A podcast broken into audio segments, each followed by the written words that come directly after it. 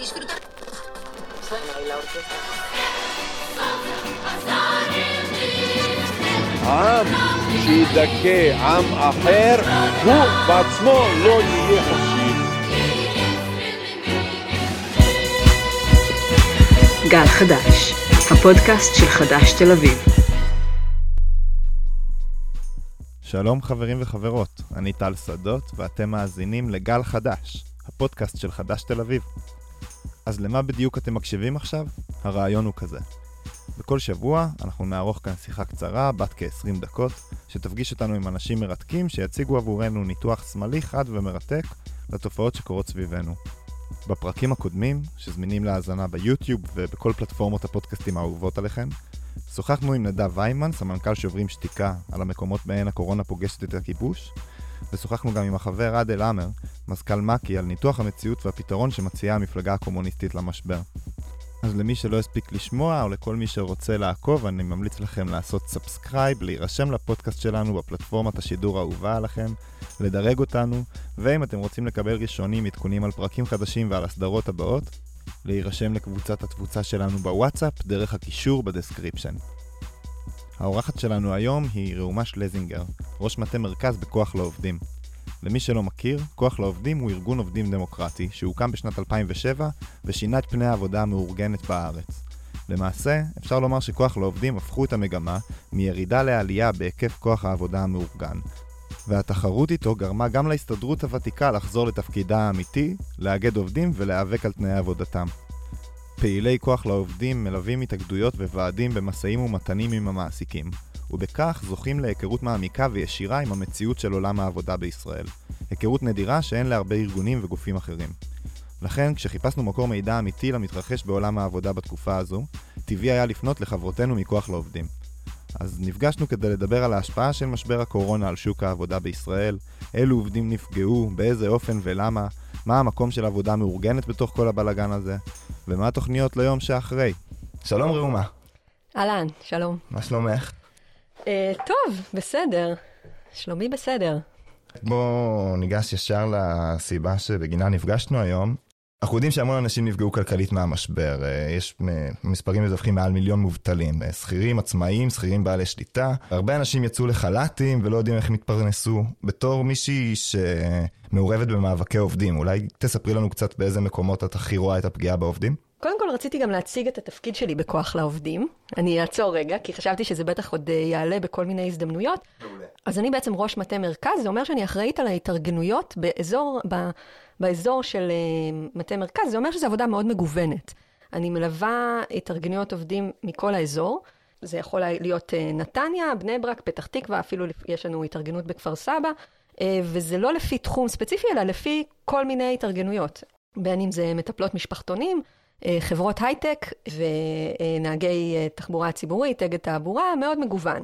אז כששואלים איך, אה, איך השפיע משבר הקורונה, זו שאלה מאוד רחבה, כן? אחד הדברים שעלו לי זה קודם כל שזה לא משבר באמת שהוא אחד, זה משבר מתגלגל.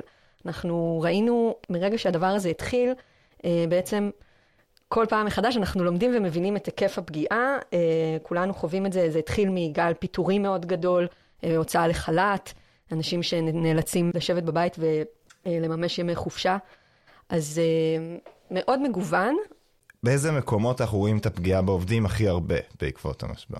קשה מאוד להצביע על סקטור אחד או תחום אחד של עובדים שנפגעו. אנחנו, אני התחלתי אישית את המשבר הזה בליווי של קבוצת עובדים מתחום ההייטק, שעמדו על הפרק פיטורים בחברה עוד קודם, ובשבוע הראשון של הקורונה, הפיטורים יוצאים לדרך בלי, בלי למצמץ. אז עובדי הייטק לכאורה הם עובדים מאוד חזקים, כן? המשכורות שלהם גבוהות, אבל עדיין פיטורים ש, שמתרחשים בתקופה הזאת זה דבר מאוד מאוד קשה. הקצה העליון של, ה, של המציאות הזאת, אבל זה פגע בס, בכל אחד מהוועדים שאנחנו פוגשים. אה, ברור שבכל, במצבים כאלה, אז העובדים שהם מלכתחילה יותר פגיעים, ומלכתחילה העובדות שהן יותר פגיעות, חשופות יותר. אז אה, אם אנחנו מדברים על, על אה, מטפלות משפחתונים, עובדות עשר שעות ביום ומרוויחות מתחת אה, לשכר המינימום ובקושי שורדות את החודש, אז כשיש משבר כזה ש, שמאלץ אותם להפסיק את העבודה באופן מיידי, מטפלות שגם ככה ברגע שהן ביום-יום בקושי סוגרות את החודש ובמאבק הישרדותי מאוד, משמעותי, אז ברור שהמשבר של הקורונה שם אותם אה, במציאות בלתי אפשרית. אה, נאלצות גם להחזיר כספים להורים, גם לעמוד תחת הרגולציה של משרד הכלכלה, וגם הן לא עצמאיות ולא שכירות, אז רבות מהן לא עומדות בקריטריונים של מענק העצמאים, ולא זכאיות לדמי אבטלה. אה, מטפלות שהן מגיעות מקשת החברה הישראלית, נשים חרדיות מבני ברק, אה, נשים ערביות אה, מטירה, מקלנסווה, אנחנו מדברות על 3,700 עובדות בכל הארץ, כן? זה רק העובדות שאני, שאני מכירה אה, אישית ומלווה אותן כאן, אבל מגוון רחב מכל הפריפריה החברתית של ישראל, ונאלצות להגיע ערב לפני פסח, ערב לפני תחילת הרמדאן, כשאין להם שום הכנסה. רבות מהן אוכלוסייה בסיכון, נשים מבוגרות, או שהן מטופלות בסביבה שלהן בבית. אם זה בבעל מבוגר או בילדים שנמצאים איתם בבית, והמצב הזה מביא אותם בעצם לשוקת שבורה.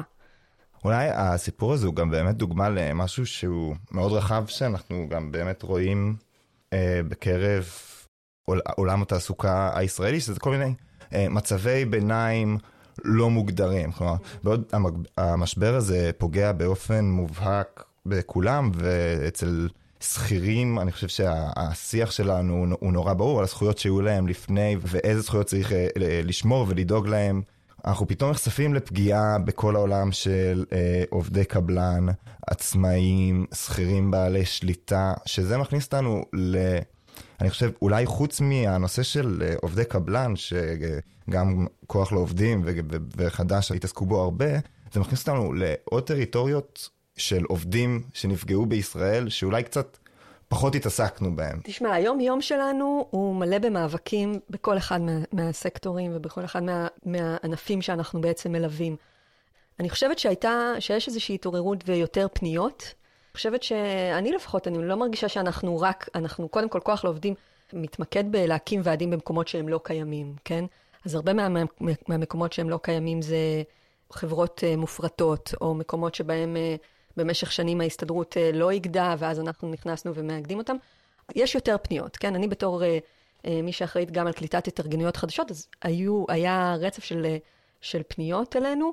אני חושבת שיש המון עבודה גם בקרב הוועדים שלנו הקיימים. המצב הזה... השאיר את, ה, את כולנו פעורי פה, כן? התחושה הזאת של, של חוסר ודאות שקשה לתאר אותו, גרם גם בתוך הוועדים עצמם ליותר עובדים להיות מעורבים. אה, אנחנו תמיד עסוקים בעבודת ועד דמוקרטית, כן? אנחנו לא, הוועדים שלנו לא פועלים אה, כאיזה שהם נציגים שלא קשורים לציבור העובדים שלהם, אנחנו כל הזמן עסוקים באספ, באספות עובדים, בשיחות עם כלל העובדים, במעורבות גבוהה של העובדים במקום העבודה במה שקורה בוועד, ואני חושבת שמשבר הקורונה גרם לזה יותר, להעמיק את הצורך ואת החיבור של, בתוך הוועדים שלנו, את הקשר בין העובדים ואת השיחה ביניהם ואת המעורבות של יותר ויותר עובדים בתוך מה שנעשה, לא רק במקום העבודה שלהם, אלא גם באיזושהי שאלה, ש, שאלות של מדיניות, כן? של איך זה יכול להיות שהגענו למצב הזה שהמדינה לא לוקחת אחריות. או מה קורה במקומות אחרים בעולם, למה במקומות אחרים בעולם יש יותר פתרונות לעובדים ואצלנו אין. שזו התפתחות מעניינת בשיח של ועדים בארץ, כאילו. קונטרה למה שקורה בפועל. בפועל כל אחד מהעובדים יושב בבית מבודד, כן? מצב קשה, כן? אה, מצב שבו אנשים אה, רגילים לראות את החברים שלהם במקום העבודה ולדבר איתם, ופתאום מוצאים את עצמם אה, כל אחד מנותק ויושב בבית עם חוסר הוודאות וחווה אותה לבד. ואני חושבת שאחד מהתפקידים שלנו היה גם באמת לחבר בין העובדים וליצור את הפלטפורמות שבהן אנחנו חוזרים ומדברים יחד, אנחנו מתארגנים גם במציאות של, של הבידוד הזה. אם אני חוזרת לשאלה שלך, האם אנחנו, האם אנחנו, האם אני רואה שיתופי פעולה, בין, אני רואה יותר שיתופי פעולה בתו, בין הוועדים שלנו, אה, ועדים שרגילים כל אחד להת, להתמודד מול ההנהלה שלו בנפרד, אז מבינים יותר את, ה, את הכוח של אה, חיבור בין ועדים במקומות עבודה שונים. אה, וסולידריות, למשל הייתה סולידריות מאוד יפה דווקא בתחום ההשכלה הגבוהה. בהשכלה הגבוהה יחסית יש ביטחון תעסוקתי. המרצים, הסגלים הבכירים והזוטרים ממשיכים ללמד. אה, המשיכו ללמד בתקופת הקורונה באמצעות אה, אה, הוראה מרחוק. אבל מי שנפגעו מאוד משמעותית ומאוד דרסטית זה היה דווקא הסגלים המינהליים. כל מערכת המנהלה, התחזוקה, ש, שאצלם פתאום בבת אחת חוסר הוודאות הכלכלי אה, הגיע, ואז ראינו התארגנויות אה, מאוד אותנטיות ויפות של, של אנשים שיש להם יחסית ביטחון תעסוקתי במציאות הזאת, קוראים למכללות המרצים קוראים למכללות לקחת יותר ויותר אחריות על, ה, על הסגלים הזוטרים ולדאוג להם לפרנסה. אז אני חושבת שזה, שראינו גם סולידריות כזאתי. זה מהמם. קצת התחלת לדבר על המאבקים אה, של הוועדים הקיימים בכוח לעובדים, mm-hmm. וגם פה נראה לי יש אה, מגבלה מאוד גדולה. כוח לעובדים כארגון עובדים, הכלי המרכזי שלו הוא שביתה, mm-hmm. ושהמשק מושבת זה קצת משהו שנלקח. איך נראית הפעילות של כוח לעובדים עכשיו, שלוקחים מאיתנו את הכלי המרכזי של שביתה במקום העבודה, או שביתה במקומות העבודה, איך כאילו ההתאגדות עדיין יכולה לבוא בדרישות ולהפעיל את הכוח שלה? אז לכאורה, מה העובדים יכולים uh, לעשות, כן? אם, uh, אם uh, כופים עליי לצאת ל... לחל"ת, אין לי, מה אני, מה אני אגיד? אני לא אבוא לעבוד, כבר הוציאו אותך לחל"ת, אז ברור ש, שהכוח שלך מול המעסיק הוא נאבד. אני חושבת שזה היה שוק גדול. נציגי ועדים שרגילים להיות מאוד uh, גורמים משמעותיים, פתאום אנחנו מזהים uh, מה עושים, כן? אז זה לקח זמן. בתחילה הדבר העיקרי שעשינו, אני חושבת בימים הראשונים של, של המשבר, או, או לא יודעת אם בדיוק ימים, אז הדבר הראשון שעשינו היה, אוקיי, מה, מה קורה במצב הזה? לא, מוצאים אותי לחל"ת, מה, מה הזכויות שלי? מה החוק אומר? מה אני יכולה, מה מגיע לי? קו הנסיגה הראשון זה החוק, כן? כאילו זה איזה זכות. עשינו מהר מאוד, כאילו, הנציגים, העובדים, לומדים את חוק, את אה, כל מיני תקנות הביטוח לאומי, והדבר הראשון שעושים זה זכותונים, כן? בכל כך חזות מצוקה. זכותונים במובן של חוברות קטנות עם כן. הזכויות של כל עובד שרשומות בתוכם. כן, זכות, זכות, אה, זכותונים כזה של, של לנבור, ואוקיי, הוציאו אותי לחל"ת, מתי יחזירו אותי? כמה זמן אני צריך להיות בחל"ת כדי לקבל אה, דמי אבטלה? זכותון ממש אה, ש, של שאלות ותשובות כזה. כן, מאוד... זה גם היה התגובה הראשונה בחד"ש, שפתחו קו טלפון לבירור תנאים בעבודה. תמיד כזה, התגובה הראשונה, אוקיי, רגע, מה קורה? בואי ננסה למקם את עצמנו בתוך הבלאגן הזה. אז הזכויות זה כאילו הדבר הראשון שאנחנו, שאנחנו עושים, וזה הקו ההגנה הכי, הכי נמוך בעצם, כן? כאילו, מה החוק נותן לי? אמ, וזה באמת כאילו, כשאת בעמדת הסתרדות, זה הדבר הראשון שהולכים אליו. אבל זה לא שיטת הפעולה של כוח לעובדים בדרך כלל. אנחנו לא אה, רק מתעסקים בזכויות ומה הדבר האחרון שמגיע לי, אלא אנחנו עומדים בדרך כלל בדרישות מול מעסיקים. אנחנו דורשים מעבר למה שהחוק נותן לנו. אה, זה בדיוק המהות של יחסי עבודה קיבוציים. יש את שכר מינימום, אבל יש את הדרישות מעבר לזה. אז אני חושבת שהשינוי המשמעותי, שפתאום הבנו שאנחנו לא רק צריכים לדאוג לזכויות שלנו, של העובדים, אנחנו, גם במצב הזה של הקורונה, אפשר לדרוש. אפשר להגיד, אנחנו לא פה רק כדי לכבות שריפות, אה, אנחנו רוצים שזה, גם אם, גם אם יש משבר וגם אם יש חוסר ודאות מוחלט, העובדים חייבים להיות חלק מקבלת ההחלטות על מה יקרה בחיים שלהם, מצמצום אה, הגזירות. זה משהו שהוא נורא מעניין, כי עכשיו ראינו את ההתאגדות חברות האופנה. שסירבה לפתוח את הרשתות, באה בדרישה ובאמת קיבלה מענק של 6 מיליארד שקל מהמדינה. אבל פה מדובר בהתארגנות של אנשים אה, מאוד מאוד חזקים ומאוד מאוד עשירים וחברות מאוד מרכזיות. במקרים של ההתארגנויות בכוח לעובדים, מדובר מצד אחד אולי בעובדים הכי חיוניים לחיים היומיומיים שלנו, אה, מנהלות משפחתונים, אה, נהגי אוטובוס, מורים, כלומר ה-bread and butter של החברה. מצד שני, אבל זה גם אנשים שהכוח הסימבולי והממשי שלהם במאבק הפוליטי משמעותית חלש יותר משל בעלי השליטה בחברות הגדולות במשק. יש כל מיני סוגים של כוח, אז ברור שכוח זה קרבה למוקדי קבלת ההחלטות. אני חושבת שלהחזיר את הכוח לעובדים, זה להזכיר לעובדים ולמערכת מה מניע אותה, ובכל פעם מחדש אה, לתקוע עוד יתד ועוד אה, צעד קדימה. ואני חושבת שזה, שזה מאבק תודעת כאילו, ברגע שהעובדת מפנימה את זה, אז השינוי מגיע, כן? ברור שיש לי כל מיני דרישות ברמת המדיניות, אה, ואפשר לדבר רגע על המקרו, על מה הדברים ש, שקרו פה אה, בישראל מבחינת יחסי העבודה, אה, ואיזה דברים זה גם חשף, לא רק ברמת ה... כאילו, דיברנו קודם על... על איך שזה חשף את, תנאי, את יחסי העבודה הקלוקלים, נגיד של מטפלות המשפחתונים, שחיות כאילו באיזשהו מהלך של הישרדות, אז איך זה חשף את הבעיות שלהם? אז זה גם חשף בעיות ביחסי העבודה במשק כולו, אפשר לדבר עליהם. אני חושבת ש, שבוועדים עצמם יש הישגים. אה, הכוח, יש את הכוח של הלובי, של הפוליטי, של תהיה מקורב וככה ת, תתקדם, אבל יש את הכוח של השטח, של המאבק, של ההתארגנות, את הכוח של עובדים ש, שלוקחים בעלות על, על מקום העבודה, לא, לא בעלות, אלא לוקחים, אה, לוקחים, שמים את היד על ההגה, אומרים אנחנו גם חלק. אז אה, אפשר להגיע שם להישגים, אה, גם אפילו אה, בתקופה הזאת.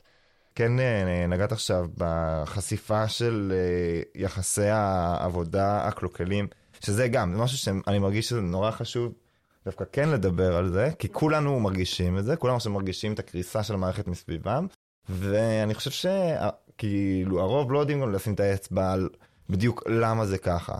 מי שלא ממש מתעסק בעולם אה, זכויות העבודה, לא ממש רואה איך הפגיעות האלה הם לא רק תוצאה של, או, יש משבר והעולם הפסיק, אלא הם באמת חלק מאיזשהו תהליך ארוך של פגיעה בזכויות עובדים שקורה בעשורים האחרונים. אז אולי כן אה, שווה להתעכב על איך הפגיעות שאנחנו חווים עכשיו הן תוצאה של זה. אז, אז אחד הדברים המעניינים שאני ליוויתי לאחרונה ורציתי לדבר עליהם זה עובדי מוסדות התרבות. התרבות וה, והקהילה העירוניים. חשבתי שזה מעניין כי זה כאילו אנחנו חושבים על עובדי, עובדי התרבות, יש את, ה, את הטאלנטים ואת כל הדברים הפרטיים, כן? שאנחנו, ברור לנו שהם גם הולכים לחזור אחרונים, כן? כל התיאטראות והקולנוע ומקומות ההתכנסות הגדולים. אבל יש גם את כל המוסדות התרבות הקהילתיים, הציבוריים שלנו, כן? מועדוני הנוער והמרכזים הקהילתיים והספריות. אז פתאום בבת אחת אנחנו מבינים שכל המוסדות הולכים להיסגר. אמ, ומה שקורה ברמת המקרו במשק, זה מרתק בעיניי, כי, כי בעצם אה, אנחנו חוזרים עשרות שנים אחורה ממגוון של איגודי עובדים ומגוון של מקומות אה, תעסוקה שונים, שבכל אחד מהם יש הסדרה נפרדת. אנחנו רואים פתאום מבנה של שוק אה, תעסוקה שמוסדר מלמעלה לחלוטין. משרד האוצר והממשלה, יחד עם נציג העובדים, נציג ההסתדרות, אה, חותמים על הסכם קיבוצי שיחול על כל עובדי אה, המגזר הציבורי.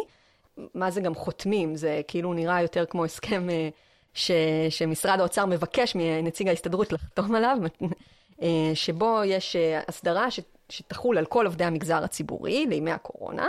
ו- ובהמשך אליו, כעבור uh, יום או יומיים, הוא מוחל בתקנות לשעת חירום על כל העובדים בכל הגופים המפוקחים. Uh, התאגידים העירוניים והחברות בת המופרטות בעצם. אז אז המשחק הכפול הזה, שאם ביום-יום יש את עובדי המגזר הציבורי, ולכאורה העובדים של החברות העירוניות הם לא קשורים אליהם, כן? הם, הם לא חלק מזכויות המגזר הציבורי, פתאום עכשיו ההסכמים חלים עליהם. אה, ומוחלים בתקנות לשעת חירום. שזה בעצם, יש פה אולי משהו שהוא טוב ומשהו רע, כי מצד אחד יש פה איזשהו הסכם שעכשיו מגן על העובדים האלה, שבאופן ברור לא הייתה להם הגנה קודם, וכל הט... הטענות של, של המאבקים האלה על העובדים בחברות המופרטות לא זוכות להגנות שהחוק אה, מעניק להם, וההפרטה של השירותים האלה היא רק דרך של העיריות להתנער מאחריות, אז הנה, הוכחנו שזה נכון, החברות האלה באמת לא דואגות וצריך את המערכת המרכזית שתדאג. מצד שני, זה הסכם קיבוצי שהם לא הסכימו עליו, שנחתם על ידי נציג שהם לא בחרו בו. עכשיו, יש לזה היבטים חיובי. ההיבט המרכזי החיובי זה הגבלה של מספר העובדים שיוצאו לחל"ת, כן? אה, להרבה עובדים עדיף, עדיף לנו להישאר מועסקים ולשתות את ימי החופשה שלנו. במסגרת ההסכם הזה, חלק מימי החופשה הם גם על חשבון המעסיק. וזה נותן איזושהי ודאות שהיא יותר טובה מההוצאה לחל"ת. כמובן שלאוצר יש אינטרס שהעובדים לא יצאו לחל"ת, אלא שהמעסיקים יספגו את, ה, את העלויות, שיהיו פחות אנשים שדורשים דמי אבטלה מביטוח לאומי. אה, יש לזה היבטים חיוביים, אבל היו שם דברים מופרכים לחלוטין בהסכם הזה. אה, אה, איסור הוצאת ימי מחלה. אז בתקופת הקורונה, מגפה משתוללת, ובעצם ההסכם הזה מוותר על זכות שהיא קוגנטית, זכות, מה שנקרא זכות ש... ההגנה עליה היא מוגברת, שלא ניתן לקחת אותה מהעובד, שזה להוציא ימי מחלה. לעובד, לפי ההסכם הזה, אה, עובדים שלא הוציאו אה, ימי מחלה לפני ה-15 למרץ, לפני פריצת המשבר, לא יוכלו להוציא ימי מחלה, אלא בהסכמה של איזושהי ועדה ייחודית.